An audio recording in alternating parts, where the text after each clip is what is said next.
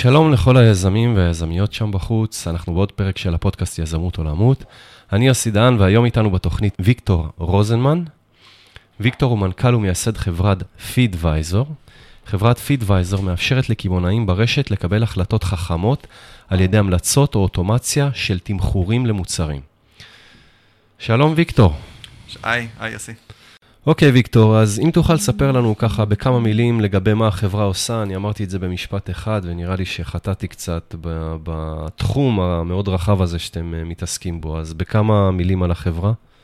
כן, אז, אה, אז פידוויזר אה, היא חברה שקיימת קרוב לחמש שנים, חברה שהיום מנהלת מעל שני מיליארד דולר של נכסים של הלקוחות שלנו.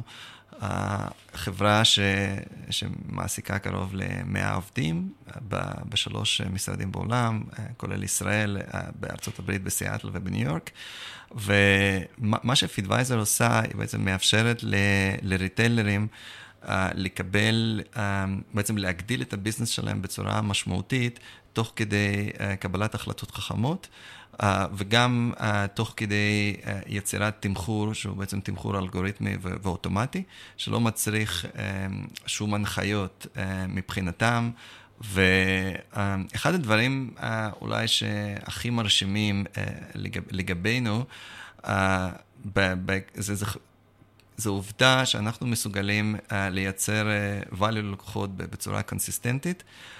תוך כדי שאנחנו מצליחים להכות בעצם את הבנצ'מרק של השוק ביותר מ-50 אחוז, זאת אומרת שהלקוחות של פידוויזר גדלים uh, ב-50 אחוז יותר מהממוצע של, של הלקוחות בשוק, וזה נתון שהוא בפני עצמו פשוט מדהים, אין כמעט חברות היום שמסוגלות uh, להכות את השוק בצורה כזאת ברורה, וזה אחד הסודות של הגדילה המטאורית של החברה.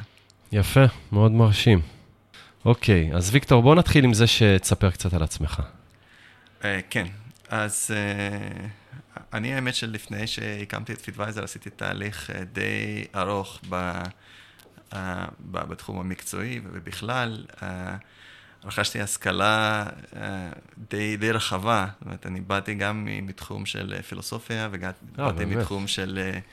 Uh, של אומנות, של כלכלה, של מדעי המחשב, אז בעצם יצא לי, היה לי הזדמנות לרכוש uh, באמת השכלה רחבה, ואני חושב שזה מאוד מאוד תרם בסופו של דבר uh, בתהליך החשיבה, כי בסופו של דבר כדי ליזום את החברה צריך לחשוב די, די בצורה רחבה ולנסות להבין uh, תהליכים uh, בצורה uh, כמה שיותר uh, כוללת. Uh, ו...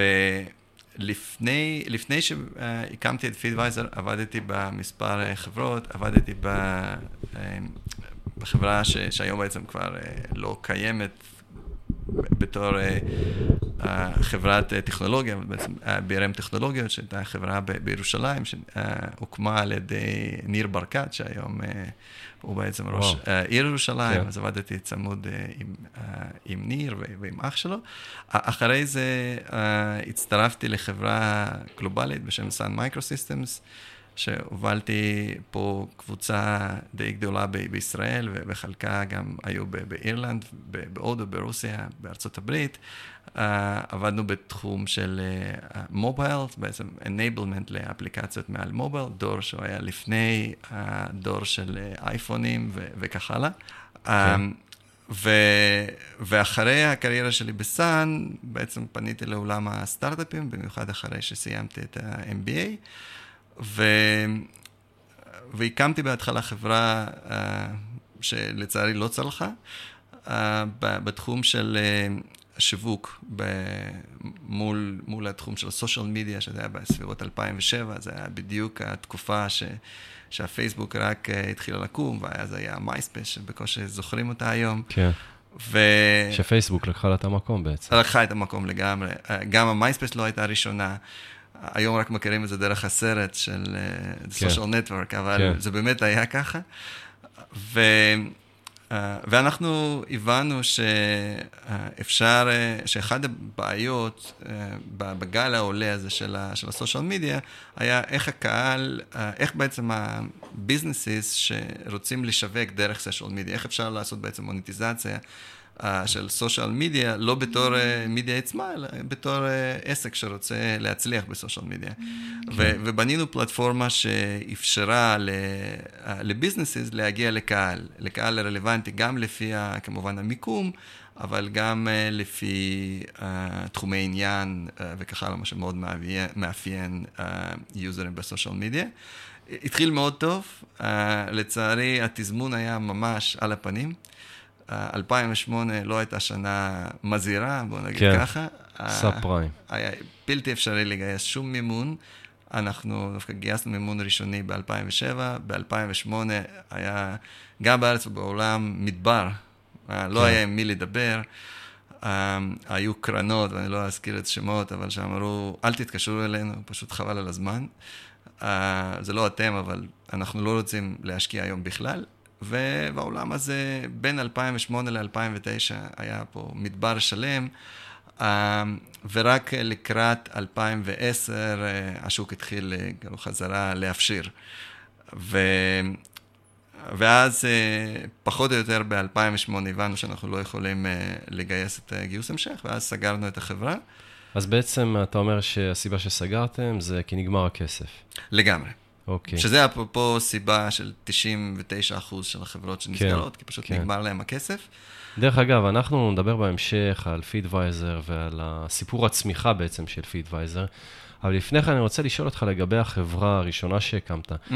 יש איזה משהו שאתה יכול להסתכל אחורה ולהגיד שאם אה, זה בניהול של המוצר, או השיווק, או הפיתוח, או כל דבר אחר, אה, כמובן לא דברים שלא בשליטתכם, כמו הנושא של הגיוס, אבל יש משהו שאתה יכול להסתכל אחורה ולהגיד, אם היינו עושים את הדבר הזה בצורה שונה, אז אה, יכול להיות שכן היינו מצליחים?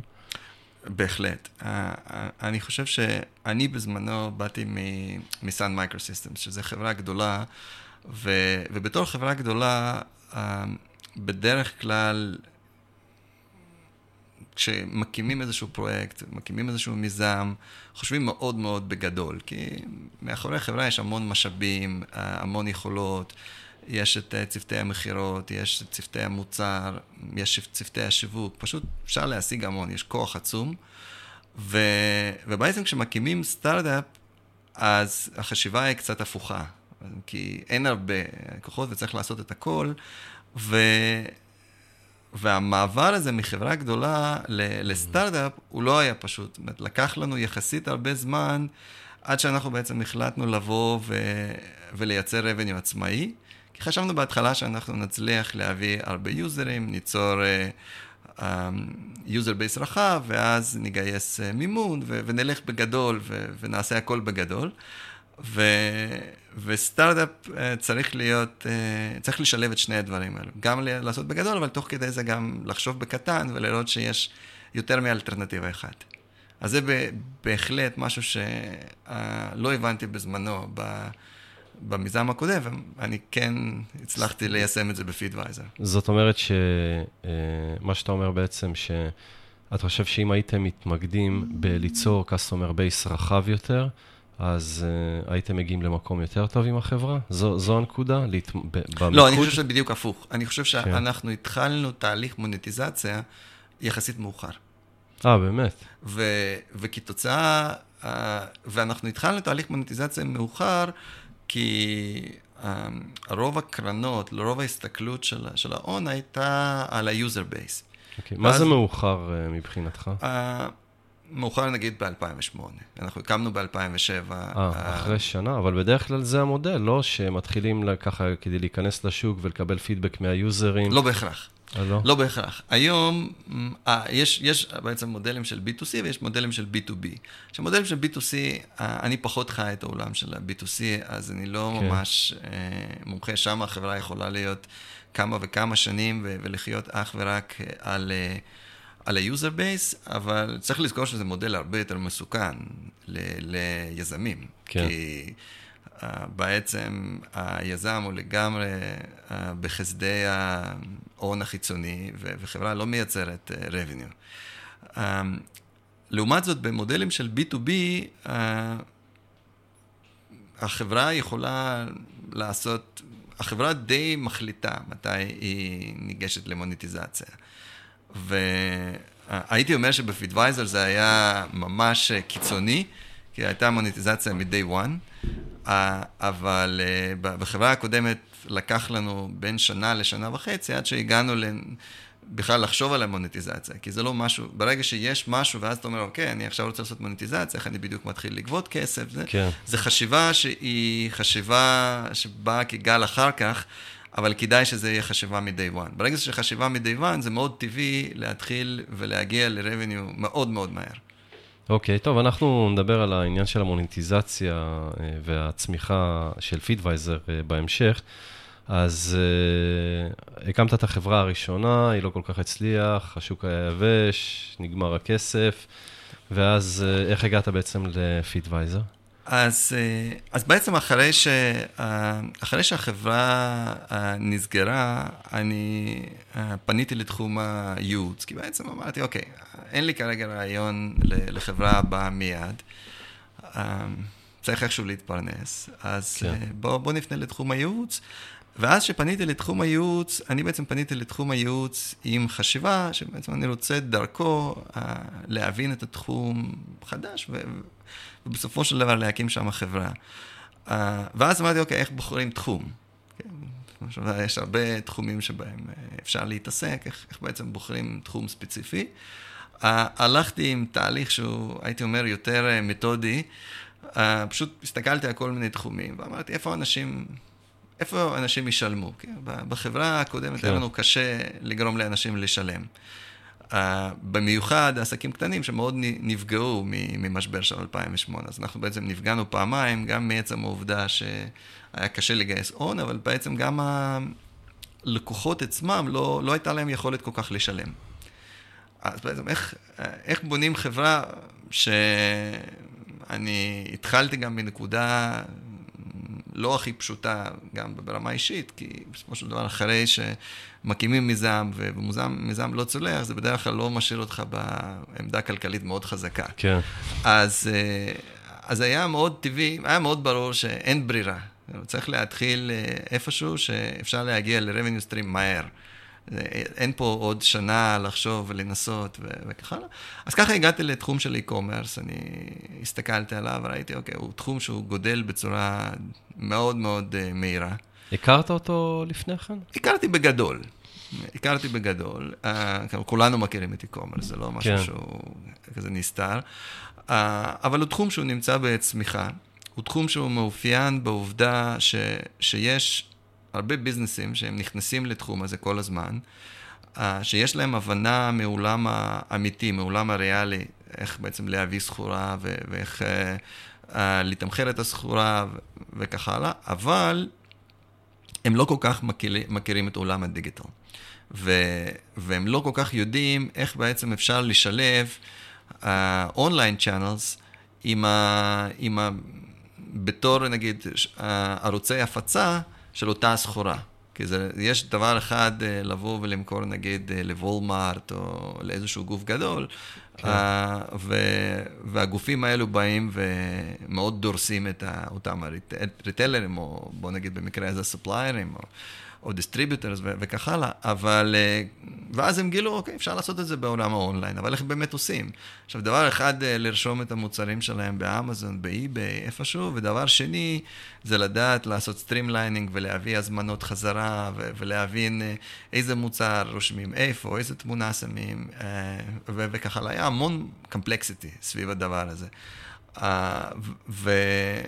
ואז אמרתי, אוקיי, בוא, אני לא יודע איפה בדיוק, מה תעשה החברה, אבל בוא, בוא נתחיל מזה שנקים איזשהו פרופיל ייעוץ. אני, אני מכיר היטב את העולם הטכנולוגיה, אני, יש לי הבנה איך עסקים פועלים. אז אמרתי, אוקיי, בוא ננסה לחבר את אה, שני העולמות האלו ביחד. ו- וככה הקמתי את העסק של ה consulting, שזה היה רץ כמעט שנה וחצי. ו- והתחום של ה consulting היה בוא נעזור לאותם הריטיילרים להצליח באונליין.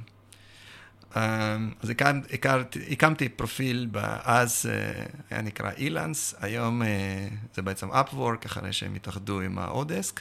זה מין אה, פרופיל ל consultants שרוצים להגיע לקהל. ראיתי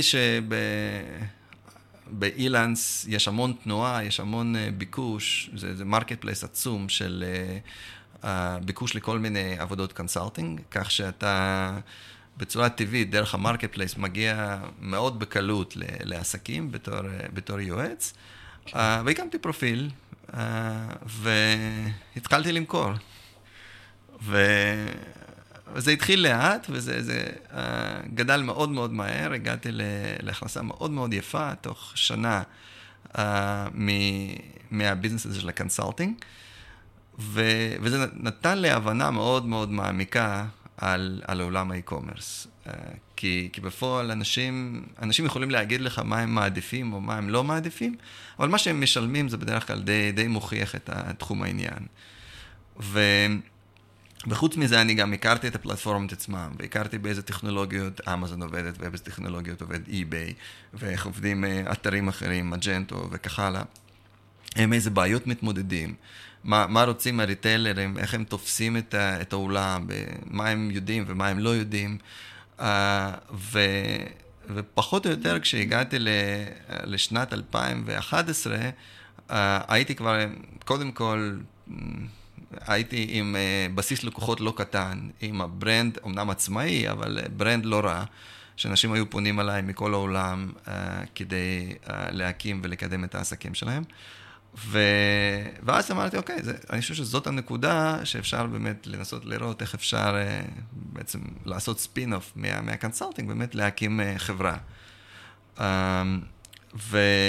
ובערך ב-2011, ב- Uh, התחלתי לבדוק כל מיני כיוונים. pricing היה רק אחד הכיוונים שבעצם היו, אבל היו כמה כיוונים, והכיוונים הם הגיעו מהלקוחות עצמם. כי הייתי עושה engagements אחד אחרי שני, ואנשים היו אומרים, אוקיי, הבעיה שלנו היא א', ב', ג', אנחנו מוש... עושים איזשהו משא ומתן, אני מבין כמה הם מוכנים לשלם על, על כל דבר. הנושא של ה pricing היה נושא כאוב אצלם? זה שיותר... התחיל להיות נושא כאוב מחצי השני של 2010. וזה הלך בהדרגה וגדל, ואיך בעצם ראיתי שזה גודל? פשוט כמות הפרויקטים הלכה וגדלה. אז uh, היו עוד כל מיני כיוונים, mm-hmm. uh, אבל ה pricing הוא היה אולי הכיוון הכי מעניין, ו... אה, כש, כשהיית נותן, אז חלק מהייעוץ שהיית נותן בעצם, mm-hmm. זה בנושא של pricing, נכון? Uh, בנושא של pricing, אבל פחות בתחום של איך אני בדיוק מתמחר, אלא איך אני, איך אני מתמחר בזמן אמת. אוקיי, okay, הייתה לך איזו מתודולוגיה שלפיה עבדת כדי להגיד ללקוחות שלך באיזה איזה תהליך אתם צריכים לעבור כדי לקבל מחיר אופטימלי ל, ללקוח ספציפי? אני פיתחתי מתודולוגיה. כן. אז בהתחלה לא ידעתי, ו, ואז פשוט עקבתי איך, איך הדברים נעשים, באיזה כלים משתמשים. Mm-hmm. הכלים היו מאוד פרימיטיביים. Uh, עכשיו, בדרך כלל הלקוחות, הם לא יודעים להגיד לך, אם יש משהו מהפכני שאתה מנסה לייצר, הלקוח לא יכול להגיד לך, בוא תעשה לי את המהפכה. הוא בדרך כלל מצביע על הכלי האחר, על הרפרנס טול, ואומר, זה לא עושה לי עבודה. כי נניח יש לי חוק כזה וכזה, ואני רוצה עוד שני חוקים. אמ, אז באמת, בפרויקטים הראשונים שעשיתי, עשיתי בדיוק זה. אז לקחתי איזשהו כלי קיים, הסתכלתי מה יש, והוספתי להם עוד חוק ועוד חוק. ואז ראיתי, אז בא לקוח אחר ואומר, לא, אבל אני רוצה משהו אחר, אני רוצה שזה יהיה ככה. אז עשיתי גם את זה. ואז הבנתי שבגדול הם כולם מפספסים פה משהו. כי אמ, זה הרי אי אפשר להתעסק עם הכלים שהם מאוד מאוד מסובכים. ואז אנשים עושים טעויות. ואז כשאני דיברתי עם הלקוחות, והיה לי קשר די טוב עם האנשים שדיברתי, כי דיברתי איתם בטלפון ודיסקסתי, אמרתי, למה, למה בעצם, למה אתם רוצים לשלם עכשיו אלפי דולרים על, אה, על איזשהו פרויקט, כשיש לך כלים שאתה יכול להוריד את זה ב, לא יודע, ב-100, 200 דולר, בשביל מה? אז הוא אומר, כן, כן אבל זה מסובך, ועשיתי טעויות, כן. והפסדתי כסף, וזה. אה, ואז הבנתי, אוקיי, זה, יש פה בעיה, הכלים לא מסוגלים, אה, קיימים לפתור את זה. אף אחד לא מבין גם איך, איך צריך לגשת. וככה קם הרעיון של פידוויזר. אז אמרתי, אוקיי, אז בואו בוא ננסה, אה, בואו ננסה לראות אם אפשר לפתור אחרת. אז לקחתי באמת אחד הלקוחות, אמרתי, אוקיי, בוא נעשה... אז הייתה לי מספיק אה, הכנסה כדי לעשות ניסיונות, אז אמרתי, בוא נעשה איתך ניסיון. אנחנו עושים משהו, אני לא מחייב אותך מראש אה, על שום דבר, אם זה עובד, אז בואו נדבר איך, איך מתמחרים את זה. ואם זה לא עובד, אז בסדר, אני אחזיר לך איזשהו אה, עלות הפרויקט, ובזה נסיים. אה, ובאמת, תוך איזה כמה שבועות בניתי איזשהו prototype. עוד פעם, השוק של 2011 לא היה שוק כמו היום. היום השוק הוא הרבה הרבה יותר משוכלל, זה הרבה יותר כן. מורכב. אז זה היה די, כל העולם הזה של התמחור דינמי היה די בהתחלה, כך שהיה יחסית קל לעשות את הקפיצה. אז, אז בניתי משהו שהוא לא דרש חוקים בכלל. אמרתי, בסדר, הרי למה צריך לעשות חוקים? הבן אדם לא, לא מבין איך להתמודד עם החוקים האלו. הם כל הזמן מנסים ליצור עוד ועוד חוקים. "אוקיי, בוא... אבל אתה צריך אה, לבנות את החוקים כדי שהכלי בעצם, אה, אתה- הלקוח שלך יוכל להזין כמה פרמטרים, ואז בסופו של דבר, דרך החוקים שרצים ברקע, אתה תוכל לתת לו את המחיר האופטימלי עבור לקוח ספציפי. אז, לא אז אני עובד בעצם? לקחתי כיוון אחר. אני הסתכלתי ואמרתי, אוקיי, בוא, במקום זה, בוא נגיד שאין חוקים בכלל, ואני נותן לו מחיר אופטימלי. ואיך אני נותן מחיר אופטימלי? אני מסתכל אה, על השוק, אני מסתכל על הדינמיות, ואני מנסה להביא אותו לתוצאה אופטימלית של המכירות, של top rank, מתוך אה, איזשהו משחק עם המחיר. אה, אז עשיתי באמת איזשהו prototype, וזה עבד. אה, זה... אה, אני לא חושב שזה היה, אותו דבר היה עובד היום, כי, כי השוק הוא הרבה יותר משוכלל, אבל אז זה עבד. כן, זה עבד, אז חזרתי לאותו לקוח, אמרתי, אה, בוא תראה איך זה עובד. לקוח אהב, אמר, וואו, זה, זה ממש מעולה. אמר, כמה זה עולה? אמרתי, כן, בוא נעשה חצי מיליון דולר. אז הוא אמר, וואו. אבל אין לי חצי מיליון דולר לשלם, אז אמרתי, אוקיי, בוא נעשה איזשהו הסכם חודשי, ותשלם את זה על, ה lease. אתה לא תצטרך כן. לקנות את הפתרון. Uh, וזה בעצם נעשה בכוונה, כי, כי אני לא רציתי um, כאילו למכור לו את כל מה שעשיתי. כן. אז, uh, אז היה צריך להיות, ואני גם לא יכול להגיד לו לא, כי הוא בכל מקרה ביקש. ואז אמרתי, אוקיי, זה פשוט יקר. והוא אמר, בסדר, זה דווקא נשמע לי טוב, אוקיי. אבל uh, איך נתמחר את זה? אז uh, אמרתי, בוא נסתכל על המכירות שלך. הוא אמר, כן, אבל המכירות, הוא הכוח הראשון אמר, ואם uh, אתה בעצם תגדיל לי את המכירות, אבל אני אפסיד, וזה, בוא נעשה את זה לפי profit. אז בסדר, אתה, אתה יודע מה, אבל זה צריך להיות אחוזים גבוהים, כי אחרת לא שווה לי להתעסק איתך. כן. אז, אה, אז סיכמנו, אני חושב שהלקוח הראשון משלם משהו כמו 10 עד 15 אחוז מהסך הכל הרווח שלו. וואו. אה, ו... והוא היה מוכר בהיקפים של אה, הוא מיליוני היה דולרים? מוכר בהיקפים, לא, לא של מיליון דולר, הוא היה מוכר בהיקפים של משהו כמו 100 אלף דולר לחודש. אה, אוקיי. אז זה היה סביר, אז בסופו של דבר, אה, עכשיו ה profit שלו לא היה, ה profit שלו היה, לא יודע, עשרת אלפים דולר, חמש עשרה אלף דולר, כי margin ים הם יחסית נמוכים. כן. וזה. אז הוא הסתכל על זה, אומר, אוקיי, מה זה, 1,500 דולר, 2,000 דולר, זה מה שאני צריך לשלם? אה, אז אה, עשינו מין הסכם כזה, היה לי... אה, מתוך הלימודים שהיה לי חבר עורך דין, אז אמרתי לו, בוא, בוא תעזור לי, נכתוב את ההסכם ביחד. כן. Uh, נתן לי את ההסכם, חתמתי איתו, והלקוח התחיל לשלם, לקוח SaaS. עכשיו, כן. לא היה כלום, לא היה user interface, לא היה כלום. היה, או הלקוח היה שולח ספרדשיט, uh, הייתי עושה איזושהי פעולה מאחורי הקלעים, והיו עולים במחירים, ואז, אומר, ואז אני הייתי מוריד, uh, מסתכל מה היו הביצועים, והיה עוד פעם שולח לי ספרדשיט של העדכונים.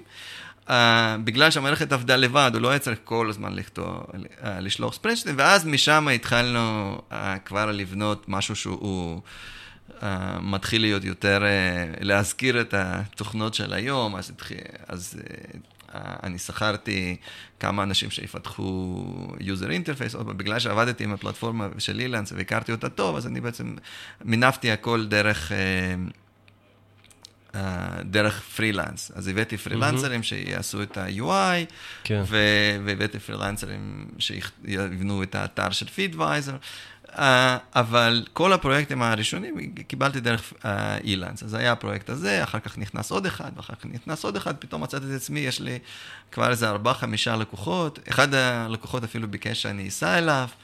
אז גם נסעתי אליו on-site, ישבתי אצלו uh, שבועיים באתר, גם ראיתי איך בדיוק ה e-commerce עובד, uh, זה, ואז גם איתו סיכמנו איזשהו retainer, אמרנו, אוקיי, בוא נעשה איתך retainer. Uh, בהתחלה, כש, כשסטארט-אפ קם, הוא לא חייב לכסות, כאילו, הוא לא חייב להיות מאוד מאוד דיסציפלין, בדיוק איפה מוצר, איפה שירות, הכל, הכל מעורבב על ההתחלה. Uh, אבל יצר, נוצר revenue stream לא רע, כבר תוך חצי שנה היה איזה עשרת אלפים, חמש עשרה אלף דולר בחודש revenue. וואו. הייתי יפה. לבד, uh, זה היה, uh, אני, אני חושב שבהסתכלות אחורה לקח איזה שלוש שנים להגיע לאותו רמת revenue, אבל ממש היה מצב טוב. ו- אבל אז התחלתי להבין שאוקיי, איך, איך, איך עכשיו לוקחים והופכים את זה לחברה? כן. ו... ופה פה התחלתי לבוא ולהיפגש עם כל מיני משקיעים, אבל בהבדל מהרבה מאוד מיזמים, אה, היה לי עמדה מאוד מאוד חזקה ונוחה. בטח. כי באמת אני מגיע למשקיע, אתה אומר, זה השווי, מעניין אותך, לא מעניין אותך, תודה רבה.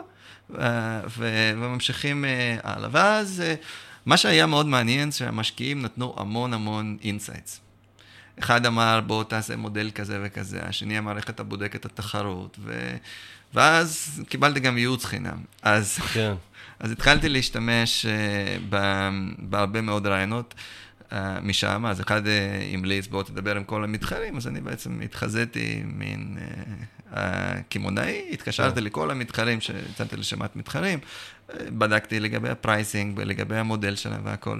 ואז ככה לאט לאט נבנה הרבה מאוד ידע. עכשיו, החיסרון היה שבעצם עבדתי לגמרי לבד. אה, זה היה מאוד לא פשוט, כי הלקוחות הראשונים האלו, אתה צריך כל הזמן, גם יש המון, המון בקשות ודברים, אה, כאילו זה לא סטנדרטי, היום Feedvisor רצה, יש subscription, יש את ה service, הכל מאוד מסודר, אז זה לא בדיוק ככה. כי אנשים מבקשים, אה, אני רוצה את ה feature הזה וה feature ההוא, ובן אדם, אני משלם לך 2,000 דולר, אה, אתה לא יכול להגיד לא. כן. ו... לא, מצד שני, גם הוא משלם לך 2,000 דולר, הוא חושב שהוא קנה אותך, זהו, כל הצוות שלך צריך לעבוד רק בשבילו. כן, כמובן, אתה גם לא אומר שאתה לבד. אתה אומר, כן, כן. יש לי צוות, ופה ושם. אני זוכר שאחד הסיפורים אולי הכי מצחיקים היה שבאותה תקופה אה, נסענו לחופש. עכשיו, מה כן. זה לנסוע לחופש? זה... כל החברה נסעה לחופש. כן. עכשיו, יש לקוחות, הם, הם מבחינתם, מה זה חופש? קנינו סרוויס. כן. ונסענו לחופש לשוויץ, ו- והתברר, אה, היה איזשהו פשלה, אני לא יודע איך זה קרה בדיוק, אבל לא היה אינטרנט בבית שם.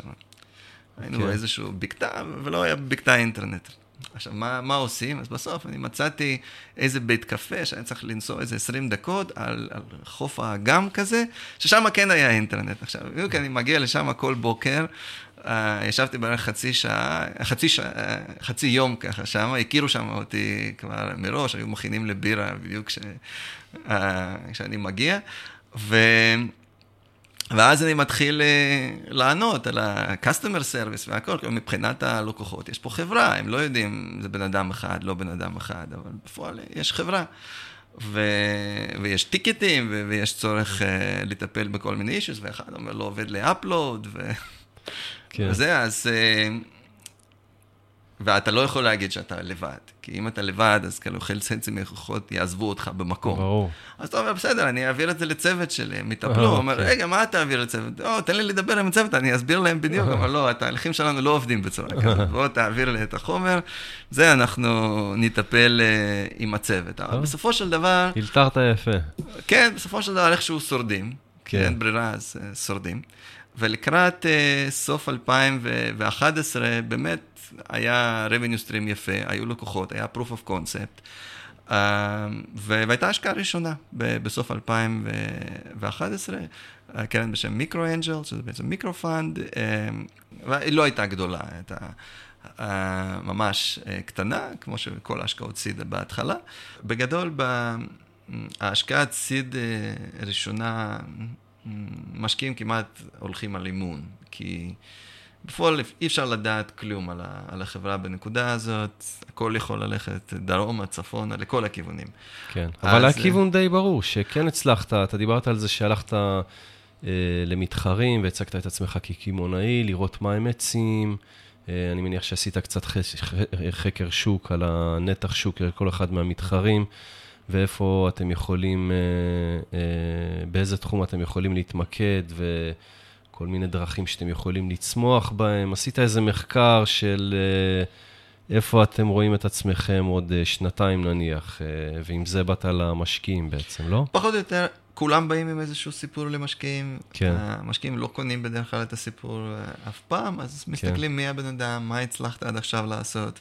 כן. מה הסיכוי שתצליח באמת להפוך את זה לביזנס. כן. ו... ויש פער עצום בין לקחת משהו מאוד מאוד ראשוני ולהפוך את זה ל... אה, לביזנס שהוא פועל ו... ומצליח. אז, אז פה, יש, פה יש פער uh, משמעותי. היה, מצאנו משקיע שאנחנו הרגשנו איתו נוח והוא הרגיש uh, נוח איתנו. היה שם מספיק אימון. קיבלתי כסף ראשוני, ועם הכסף הזה התחלתי לגייס אנשים. אוקיי, okay, מעולה. אז בואו נעבוד, נ, נעצור פה רגע, mm-hmm. נצא להפסקה קצרה, ואז נמשיך מהנקודה הזאת. אוקיי. Okay.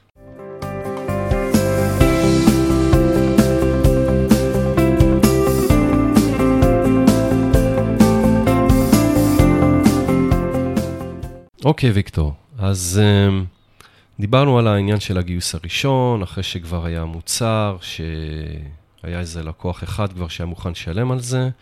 יותר מאחד. יותר מאחד, מעולה, ואז היה לך יותר קל לבוא למשקיעים בעצם ולגייס את הכסף. בהחלט.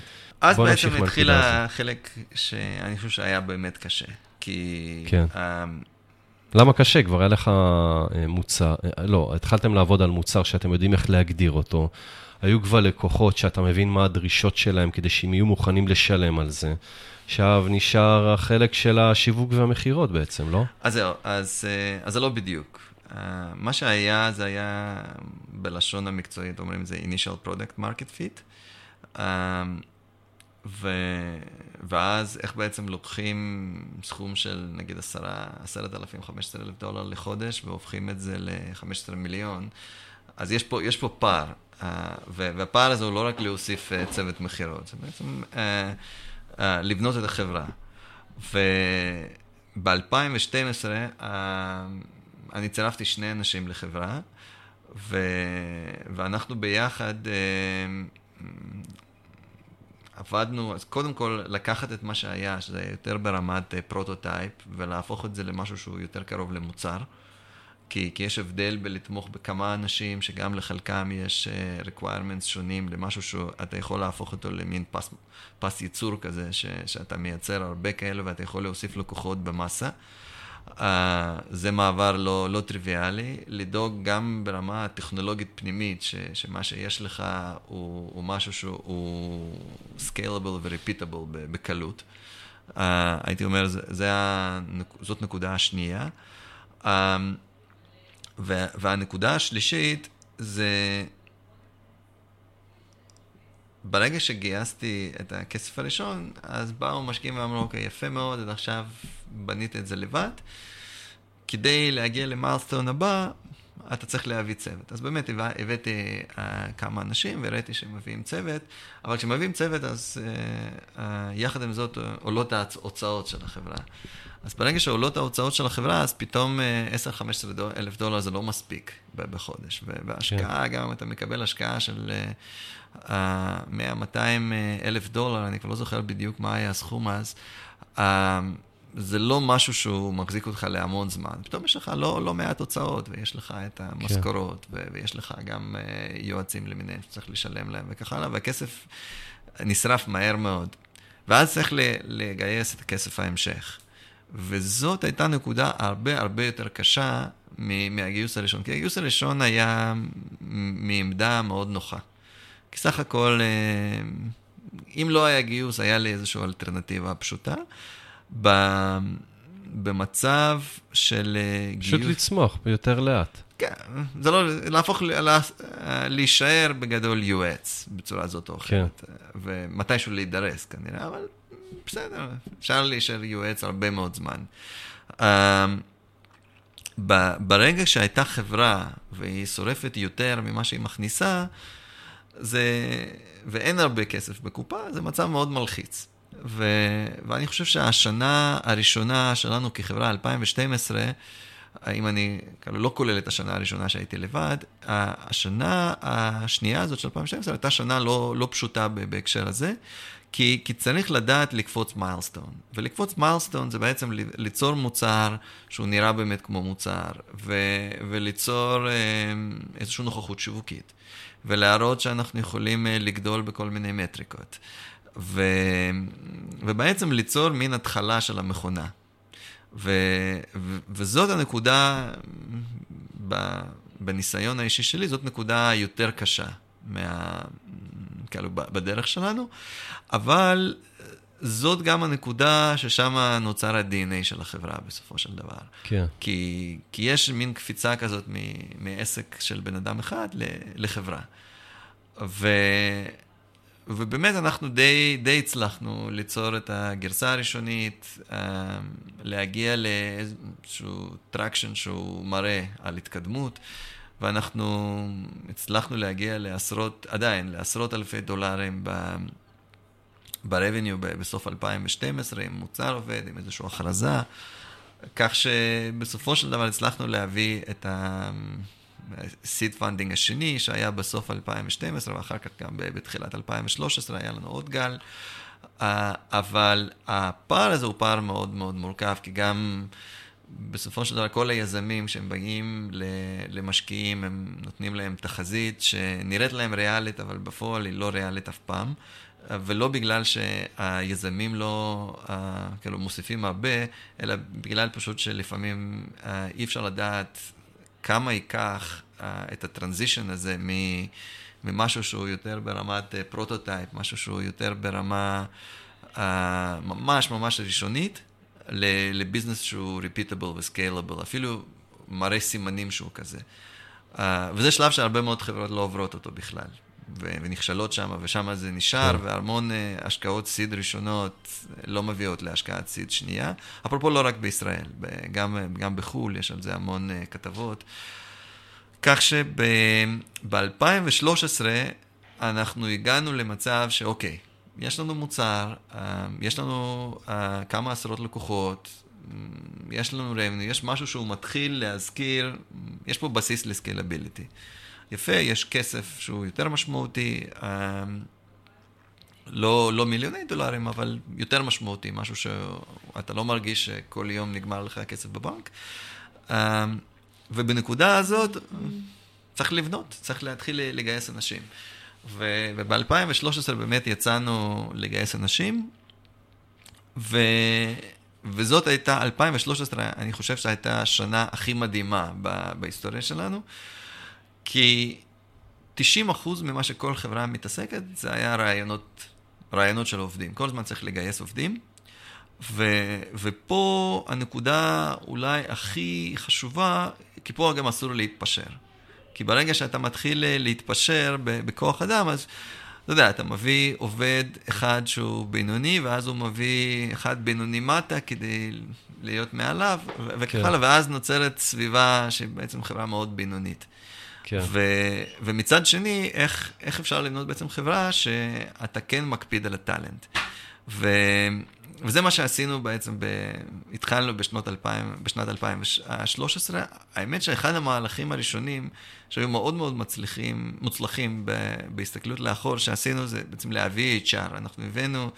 Uh, uh, מנהלת HR, שאז הייתה יועצת שלנו, כי לא יכולנו אז לגייס בפול טיים, אחר כך כן. היא גם הצטרפה בתור VP HR אה, של החברה אה, כ full time position, והובילה בעצם את כל הצמיחה של החברה מכמה אנשים, אנחנו היום כמעט 100 אה, אנשים בחברה, אבל אז אז היה הרבה הרבה הרבה יותר קשה לנו לגייס אה, אנשים לחברה, בהבדל מהיום, כשיש brand, שיש נוכחות, שמכירים את החברה, אז אף אחד לא, בעצם לא הכיר את החברה, ואנחנו הבאנו אנשים וישבנו באיזשהו כוך כזה ב, uh, בתל אביב, ואתה מביא לשם אנשים, ואתה לא יודע אם... אם הם בכלל יגיעו למשרד, או שיגיעו לקומה שלנו וילכו הביתה. כן. Uh, ו...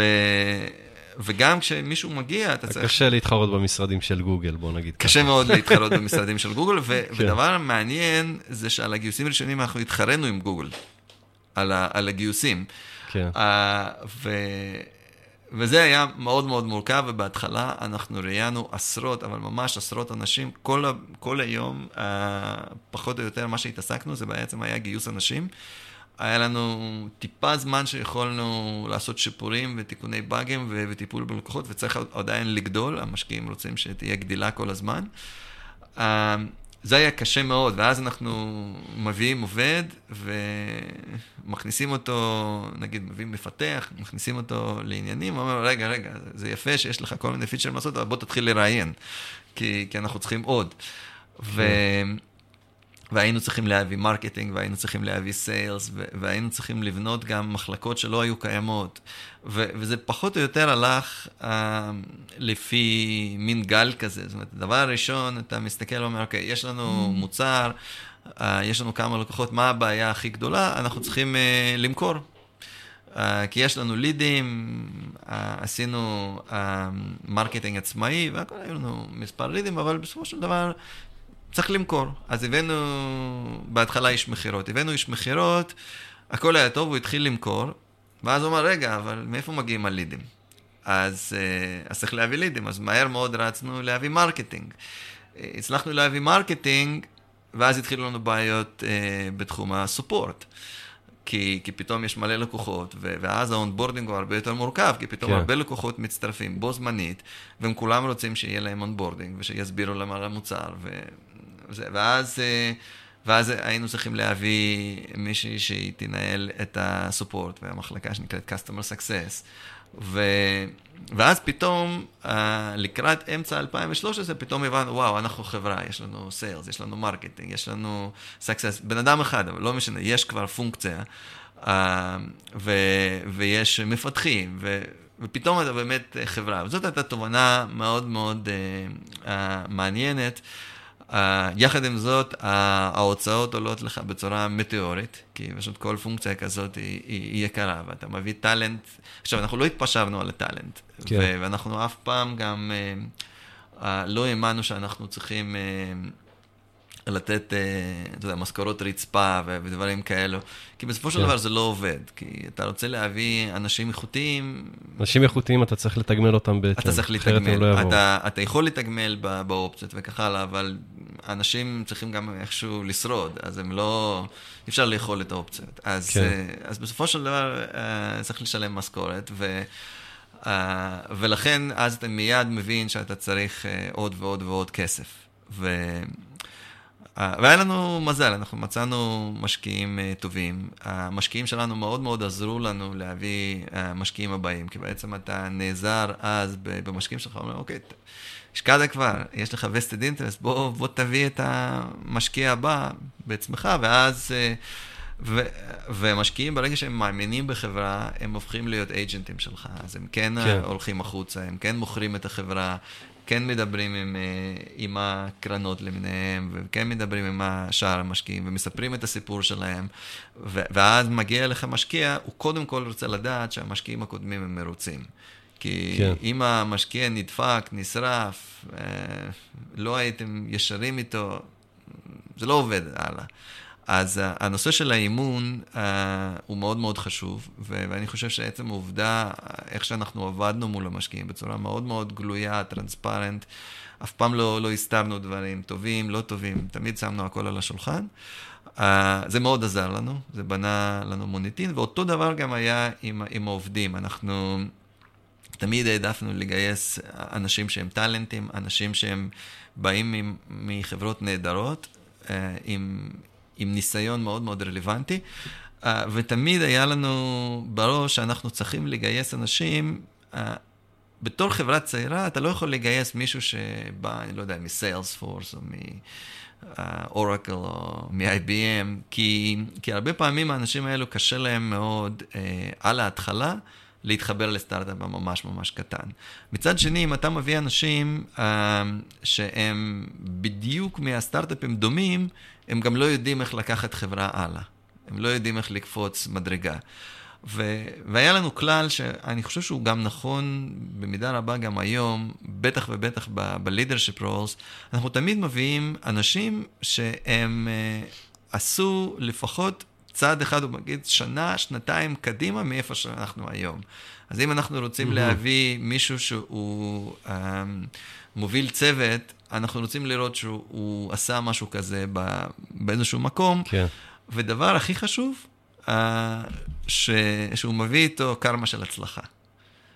אם בא מישהו שאומר, תשמע, אני נכשלתי במקום הראשון ונכשלתי במקום השני ו- ואני הולך להצליח אצלכם, זה בסדר, אבל זה פחות מבטיח. ואם אתה uh, מביא מישהו שהוא הצליח, ו, ו, ולא צריכה להיות הצלחה מטאורית, הוא לא חייב להיות סטאר טוטאלי, אבל הוא, אתה רואה שהבן אדם מאוד יצירתי, טאלנט. כן. זה בסדר אם הוא נכשל בעבר, אבל נכשל בעבר זה בסדר גמור, זה טוב. הוא הצליח כדי שהוא יבין מהטעויות שלו מה הוא לא עשה נכון כדי להצליח בפעם השנייה והשלישית. בהחלט, בהחלט. צריך להיות תמיד איזשהו מומנטום. זה, זה בסדר כן. גמור שבן אדם אה, נכשל. גם יכול להיות שגם הניסיון האחרון שלו היה כישלון, אבל אתה רוצה לראות איזה הצלחות היו לו. כן. אם לא היה לבן אדם אף הצלחה, זה בעיה. כן. ו... אה, ו- וזה משהו שאנחנו מאוד uh, מנסים להבין, אני תמיד מנסה להבין ברעיונות, במה בן אדם הצליח ולמה הוא הצליח. האם זה הצליח במקרה, פשוט היה מזל, זה נחמד, אבל not good enough, כן. או, או שהוא הצליח והוא מבין למה הוא הצליח, הוא יכול להסביר למה הוא הצליח. איך הוא בנה, נגיד אם זה marketing, איך, איך הוא בנה, אה, איך הוא הצליח להביא לידים בצורה קונסיסטנטית. איזה מהלכים הוא עשה, אם, אם זה היה ב sales, אם זה היה ב-R&D. Uh, אמ, הוא הצליח בלהיות טים uh, ליד והצוות שלו צלח והמוצרים היו טובים. למה המוצרים היו טובים? כי הארכיטקטורה הייתה טובה, כי עשיתם החלטות נכונות, כן. כי uh, לא סתם כי בן אדם עבד uh, 20 שעות, ו... כי הרבה פעמים אנשים שעובדים המון המון שעות, ואומרים, אני עבדתי נורא קשה אבל זה לא צלח. זה הרבה פעמים אפשר לעבוד בצורה מטופשת, והרבה מאוד זמן, וזה לא צולח. ואז אנשים כאלו אתה לא יכול להביא, כי כשאתה מביא אנשים כאלו, הם בסופו של דבר מביאים איתם את אותה תפיסת העולם uh, שהיה, שהיו במקום הקודם. אנשים לא כזה מהר משתנים. כן. Uh, ואנשים ש, שהצליחו, uh, זה מתוך, בצורה מחושבת, הם עשו צעדים נכונים, אז אתה יודע שיש לו בראש רעיונות איך הוא בעצם בונה את ההצלחה גם במקום הבא, איך, איך הוא ייגש. מה, מה אתה תעשה ביום הראשון שאתה מגיע למשרד? כן. האם אתה, נגיד עכשיו, נגיד אתה מצטרף, אתה, לא יודע, director of marketing, יפה. אתה צריך להגדיל לידים, מה אתה עושה? אתה, אתה מביא, מאיפה אתה מביא לידים? איזה סוג uh, פעילויות תעשה? ו- ואם יש לך קשיים, איך אתה מתמודד איתם? ואז אתה פתאום מגלה שמישהו שהוא הצליח, אז הוא יכול להסביר את הסיפור. כן, אני עשיתי ככה, כן. ועשיתי ככה, ו- ועשיתי זה, והיה מזל. ומזל בדרך כלל בא עם הצלחה. יכול לנתח איזה צעדים הוא עשה כדי להגיע לאן שהוא רוצה להגיע. כן, ואתה לא רוצה שהוא ישחזר את הצעדים, אבל אתה רוצה לראות את צורת החשיבה. כן, כי כן. אם הצורת החשיבה שלו כזאת שמביאה בסופו של דבר להצלחה, כן. אז, אז אתה אומר, אוקיי, זה בן אדם שלך. אוקיי. טוב, בוא, בוא נחזור קצת לנושא של הצמיחה. אז דיברת, דיברנו עכשיו לא מעט על הנושא של איזה אנשים לגייס, כדי שיעזרו בעצם... אה, אה, לעזור לחברה לצמוח ולהצליח ולהביא אותה למקום שרוצים להביא אותה. אה, איזה עוד דברים אתה יכול להצביע שעשיתם, אם בנושא של שיווק, אם בנושא של מכירות, אולי איזה אירוע מקונן שקרה בחברה, שעזר לכם ככה, נתן איזה בוסט רציני לחברה? איזה, איזה עוד דברים בעצם קרו בחברה, או שעשיתם מבחינה שיווקית או מכירתית, שעזרו לצמיחה של החברה, מעבר לגיוס הזה של אנשים מאוד מאוד איכותיים? כן. Uh, קשה, קשה להצביע על אירוע מכונן אחד, זה בדרך כלל איזשהו... כן, uh, רצף של אירועים. רצף, רצף כן. של אירועים ורצף של, של החלטות ש, שעושים uh, על מנת לחבר הכל ביחד. Uh, דבר אחד שאנחנו מאוד uh, הקפדנו לעשות אותו די מההתחלה, זה להכניס כמה שיותר מטריקות, להכניס דברים מדידים. Uh, לא לעבוד במתכונת של ה-best effort. אני עשיתי הטוב ביותר, כן. וזה מה שיצא.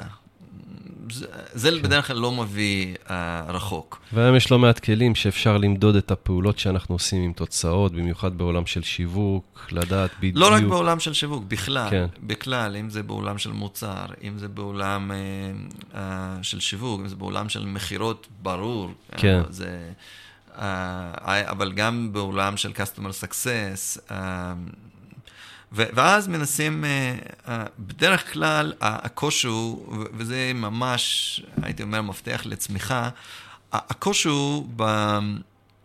בלקחת מטרה גדולה ו- ולחלק אותה למשימות שאפשר להגיע אליהן. כי נגיד, אוקיי, אנחנו רוצים, אנחנו חברה שצומחת מעל 100% אה, משנה לשנה בצורה קונסיסטנטית. Uh, וזה לא פשוט, אני מדבר עם כל מיני משקיעים וקרנות, ואומרים, וואו, כזאת צמיחה, אתם כבר ב... Uh, מעל, אה, נגיד, אנחנו כבר ב double digits של ה millions ב-revenue, ואנחנו... יפה. כן, ואנחנו... אתה יכול לתת הערכה גסה של איזה, לאיזה הכנסות הגעתם, נניח בשנה האחרונה, 2015?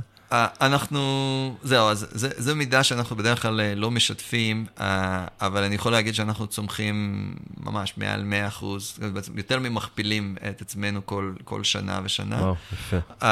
ו, ונתון שאנחנו כן משתפים בדרך כלל, זה נתון של כמה מה... מה המרקט שייר, כאילו, כמה סיילס אנחנו מנהלים. זאת אומרת, אם אנחנו מסתכלים על הבסיס הלקוחות שלנו, מה, מה סך הכל ה-revenue שהלקוחות מייצרים, וזה, וה-revenue הזה שנתי עכשיו עומד על משהו כמו שני מיליארד דולר.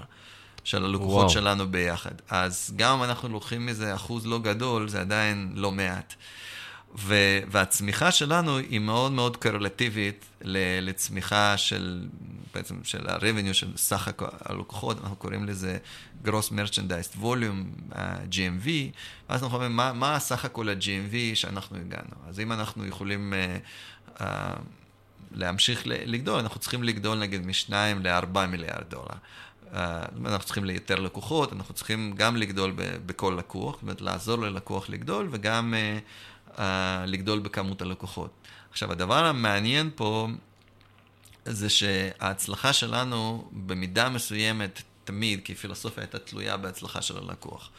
אנחנו פחות רוצים להצליח איפה שהלקוח נכשל, כי בסופו של דבר הביזנס הזה אין לו מקום אה, להתרומם. כי...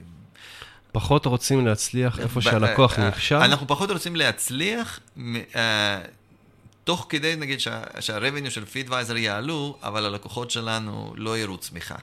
אנחנו רוצים לראות שה, שהלקוחות שלנו מראים צמיחה קונסיסטנטית. כן. Uh, ו, ואז בעצם ה, ה, ההכנסות שלנו, הם יבואו גם מעצם הצמיחה של הלקוחות, וגם מהכנסת mm-hmm. הלקוחות החדשים. ו, וחלק ה, ה, המשמעותי פה ב, בהסתכלות הזאת, זה איך... איך אנחנו יכולים להסתכל על הצלחת הלקוח? כי בסופו של דבר, אם הלקוחות שלך מצליחים, אתה תש... תצליח לבנות חברה מאוד משמעותית. כי, כן. כי אין דבר uh, שהוא מושך יותר מהצלחה. ברגע שיש הצלחה אצל לקוחות, אז הם מדברים אחד עם השני, הם אומרים, תראו, אני מצליח להגדיל את הביזנס שלי בצורה משמעותית, זה באמת עובד בשבילי, זה מייצר לי ערך. Uh, ואז אתה בונה חברה בצורה מאוד מאוד בריאה. כי אתה יודע שכל עוד שהלקוחות שלך מרוצים, כל עוד שהלקוחות שלך, אתה מצליח לייצר להם value אמיתי, לא סיפורים, לא זה... value כן. אמיתי. זאת אומרת, היה לי ביזנס ש... הכניס לי, לא יודע, עשרה מיליון דולר, היום אני מכניס חמש עשרה. זה מעולה. אז, כן. אז הלקוח גדל. עכשיו... אין יותר מדיד מזה, שאתה יכול להראות. אין יותר מדיד מזה. ו... גידול בהכנסות. וכמו שאנחנו מודדים בפנים את הביצועים שלנו, אנחנו מאוד מאוד מסתכלים ומודדים את הביצועים של לקוחות וגם משקפים להם את זה. Uh, ו- וזה מאוד עוזר לנו uh, לשמר את הלקוחות ולשמור אותם מרוצים, כי בסופו של דבר כל הזמן להראות להם את הערך, ואם אין ערך, אז זו בעיה שלנו, ואנחנו צריכים uh, באמת לדאוג שיהיה כל הזמן ערך. כן. זה היה ממש, uh, הייתי אומר, מיום הראשון, עיקרון שלנו, שאנחנו צריכים לייצר ערך ללקוחות. אנחנו לא יכולים, uh, אנחנו לא מוכרים פה איזה כלי, אתה יודע, יש כל מיני כלים שעושים...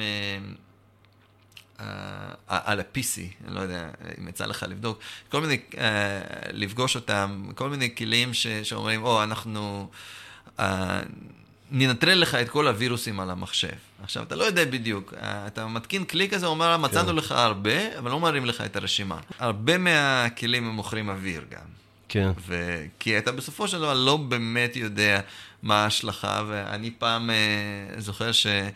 היו לי כל מיני, אמ, אפילו אני לא מדבר על אנטיווירוס, אני כבר לא זוכר איך זה נקרא, אבל יש, יש כל מיני כלים שהם מנקים לך את הרג'סטרי. כן. מנקים ה registry, אוקיי, אז אמרתי, אז באמת היה איזו תקופה, קניתי כלים כאלו, הם ניקו את ה registry, אמרתי, בוא נעשה, אתה יודע, בדיקה, reference, uh, ולא נקנה את הכלי. אז ראיתי שפחות או יותר נשאר אותו דבר. כן. אז אמרתי, אוקיי, אז איזה value הם יצרו? אין איזה benchmark. אין, איזה benchmark, אתה מייצר את control group, כן, אתה מייצר control כן. group ואתה אומר לא קרה כלום. כן. אז ברגע שיש חברה שהיא משווקת טוב, היא, היא מוכרת, הכל בסדר, אבל בוטום ליין לא מייצרת ערך. כן. אין לה זכות קיום לאורך זמן. ו, ואחד הדברים ש, שאנחנו מאוד הקפדנו, כי ממש עיקרון אה, בסיסי בפידוויזר, אנחנו כל הזמן צריכים לייצר ערך. כל עוד שאנחנו מייצרים ערך, יש לנו זכות קיום, וככה אנחנו יכולים אה, לבנות חברה משמעותית. כן.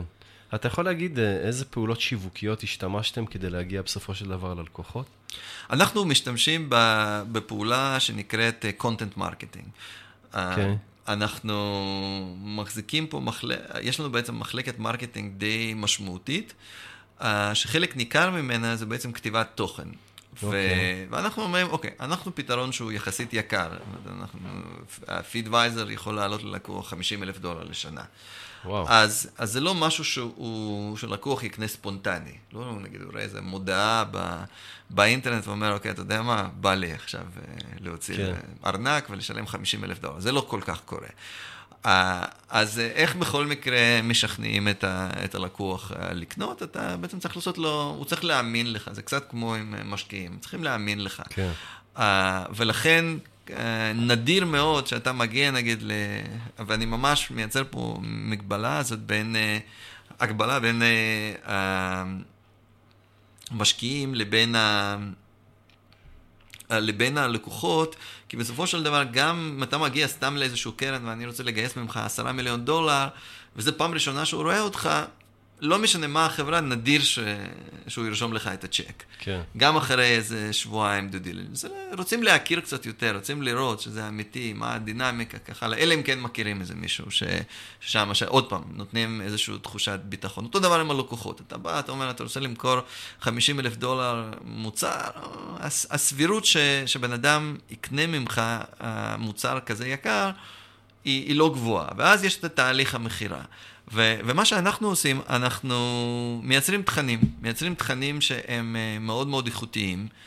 Uh, אנחנו מקדמים את התכנים האלו, נגיד, האם זה e-books, האם זה white papers, האם זה בלוג? וובינארים. יש לכם בלוג? בלוג גם, אבל זה חלק קטן מסך. הכל, האם, כאילו, בעיקר זה white papers, uh, וובינארים שלנו, joint webinars כן. partners, uh, תערו, אנחנו, תערוכות, אנחנו עושים, אנחנו עושים conferences משלנו. אה, של פיד, ואז אנחנו עושים אה, שלוש, אה, שלושה, ארבעה conferences כאלו בשנה. איפה? בעיקר בארצות הברית, אנחנו עושים, עשינו בניו יורק, במיאמי, בלוס אנג'לס, עשינו בלונדון,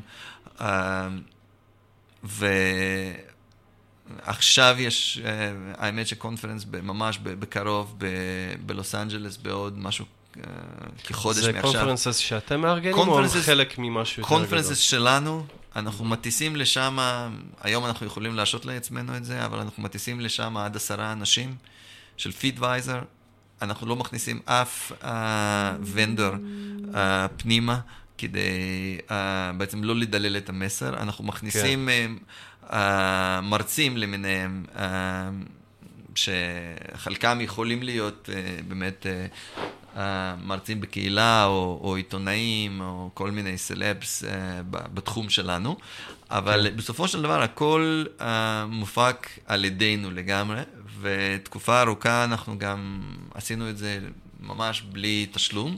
היום זה conferences שהם בעצם בתשלום, ואנשים באים, אבל אבל זה נגיד דוגמה של כל הדברים שאתה עושה לצורך אה, סוג של market education, אבל זה לא ממש market כן. education, כי, כי מה שזה מאפשר, זה מאפשר לך ליצור מגע ראשון עם הלקוח. ואתה מכניס, והלקוח בדרך כלל יכול להוריד תכנים, אה, או להשתתף ב, באיזשהו conference, או להיות בוובינר, וכל פעם שהוא מצטרף למשהו כזה, הוא נכנס למאגר הלקוחות שלנו, לאיזשהו database, ואז אנחנו אה, מפעילים מה שנקרא nurturing.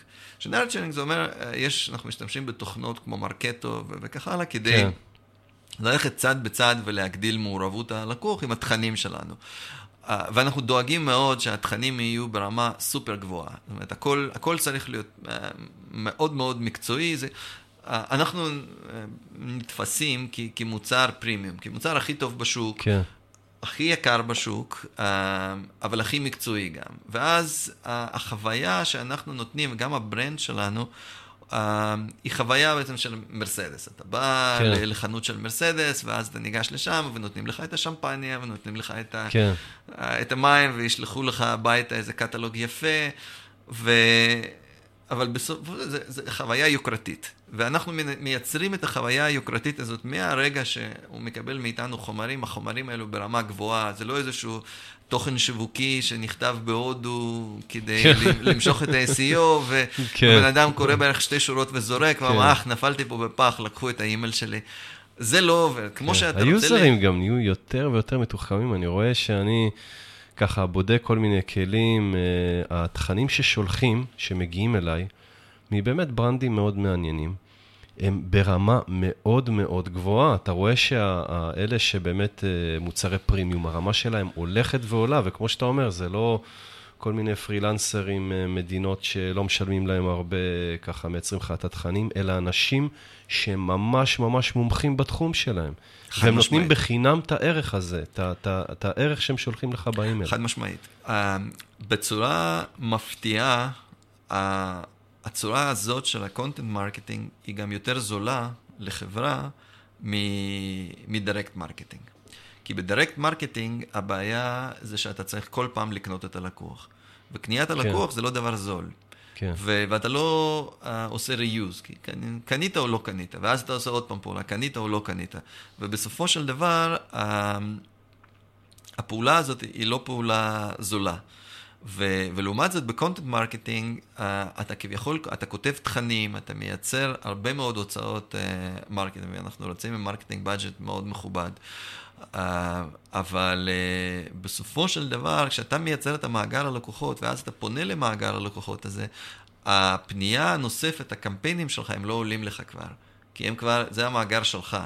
ויותר מזה, זה מאגר של לקוחות שאתה כבר uh, הרגלת אותו, הוא nurtured, אנשים מכירים אותך, הם uh, יורידו תוכן אחד ויורידו תוכן שני ויורידו תוכן שלישי, ו-guess what, הם גם uh, למדו שזה סופר רלוונטי, uh, הם לקחו כן. מזה ערך, הם, זה יצר להם ערך, אז אם אחר כך מישהו מפידווייזר מתקשר אליהם ואומר, אה, מה זה פידווייזר? אה, זה, זה בעצם אתם שלחתם לי את האי-בוק ההוא, כן. האי-בוק הזה, ואגב, האי-בוק שלישי נורא עזר לי, אז יש לך שיחה אחרת איתו. כן. ועכשיו יש לך את הטראסט. ועכשיו אתה אומר, תשמע, בוא תנסה את המוצר שלי, הוא אמנם יקר, אבל אתה ראית איך התכנים שלי היו מעולים.